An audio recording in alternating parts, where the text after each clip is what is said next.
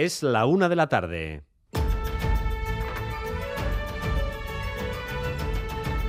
Crónica de Euskadi con Dani Álvarez.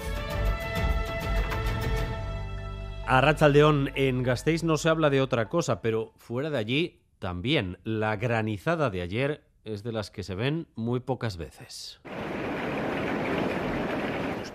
De repente empezó en dos segundos a ponerse el cielo negro, empezó otro granizo, el niño a llorar, los parasoles se caían. Ríos de agua, por todas las claraboyas, por todos los sumideros. Toda la carrocería abollada. Lo estaba viendo desde casa y estaba pensando que el coche pues, iba a estar reventado. Estamos en, en, la terraza de un bar justo cuando se ha puesto todo el cielo negro, me parecía que habían puesto la capota y todo. Y de repente he empezado a escuchar cómo caían bolas del cielo y 10-15 minutos de no parar de granizo. Muy peligroso, eran bolas muy grandes y con muchísima fuerza estaba cayendo.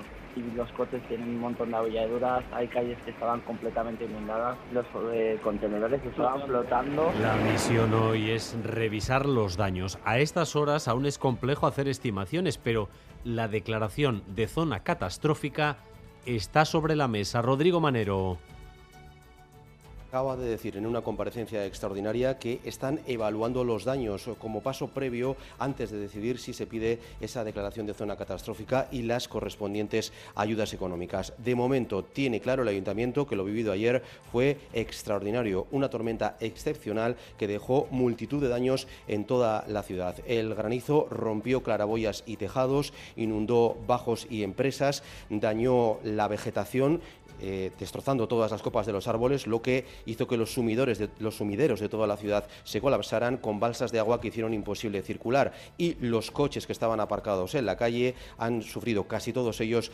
daños en la carrocería y en los cristales. Esos eh, dueños de coches están hoy en tropel a los talleres a intentar arreglarlos. Por lo demás, en nuestro país el otro gran asunto del día sigue siendo la sentencia del Tribunal Constitucional que anula el uso prioritario del euskera en los ayuntamientos.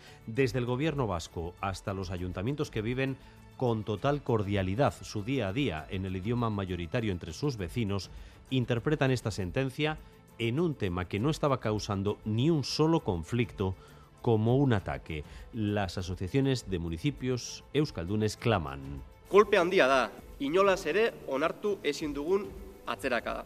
Oldarraldi honek erantzun juridiko sendoa behar du. Egin dezagun bat, lor dezagun euskararen sustapenean urrats erabakigarriak egiteko lege esparru eraberritu bat. Badago premia, badaukagu erantzukizuna. ¿Quién está detrás de este recurso? Pues en su origen Vox, un recurso que primero pasó por el Tribunal Superior de Justicia del País Vasco. Y este tribunal prefirió elevar la cuestión al Constitucional. Un Constitucional que ahora mismo tiene mayoría progresista, a. Sí, la renovación que se llevó a cabo el pasado mes de diciembre en el seno del Tribunal Constitucional inclinó la balanza hacia el sector progresista. El TC está compuesto por 12 magistrados, actualmente 7 de ellos son progresistas y 5 conservadores. La renovación afectó entonces a los cargos designados por el Gobierno y el Consejo General del Poder Judicial. Esto provocó que salieran del TC tres magistrados conservadores, dos de ellos nombrados en su día por el Gobierno de Mariano Rajoy. En su lugar, el Ejecutivo de Pedro Sánchez Sánchez nombró a dos juristas progresistas y el CGPJ a dos conservadores. En la decisión del Pleno del Constitucional sobre el euskera ha habido dos votos particulares, los dos de juristas progresistas.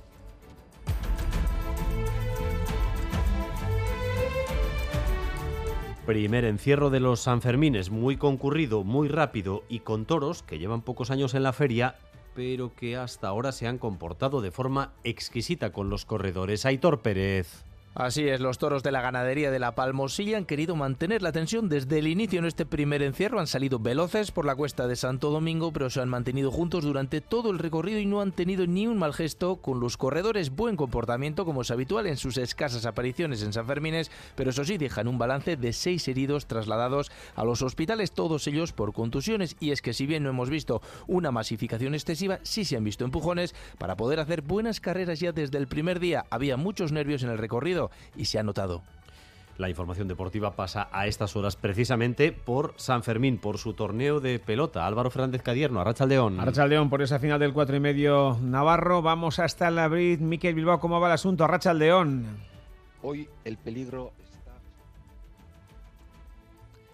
Bueno, pues no tenemos la conexión. Te puedo decir, Dani, que ahora mismo Altuna le gana a Jaca 18-14 y también pendientes del Tour de Francia, séptima etapa, Mont de Marsan Burdeos, 170 kilómetros completamente llanos con Vingegaard vestido de amarillo.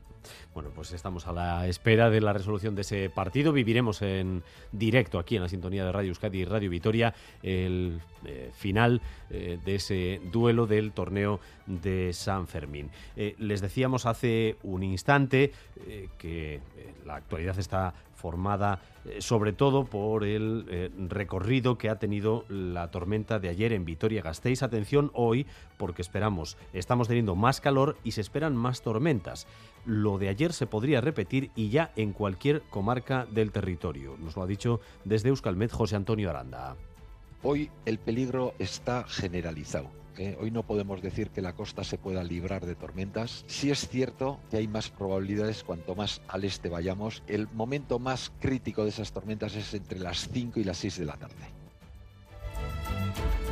Tenemos ahora mismo 32 grados de temperatura en Bilbao, 28 Donostia, Gasteiz y Pamplona, 29 grados de temperatura en Bayona. Y otra última hora, en carreteras, un accidente mortal. María Cereceda. Sí, en la A15, a la altura de Urnieta, la vía está cortada en sentido Donostia. Dos coches han chocado y se ha confirmado ya el fallecimiento de uno de los ocupantes. Se desconoce aún si hay más heridos. Como decimos, A15 cortada en Urnieta en sentido Donostia por este accidente grave. El tráfico se desvía por la rotonda de Mandasubia. Accidente mortal, por tanto en Urnieta. Gracias un día más por elegir Radio Euskadi y Radio Vitoria para informarse. Raúl González y Arancha Prado se encargan de la dirección técnica y la propia María Cereceda de la coordinación. Crónica de Euskadi con Dani Álvarez.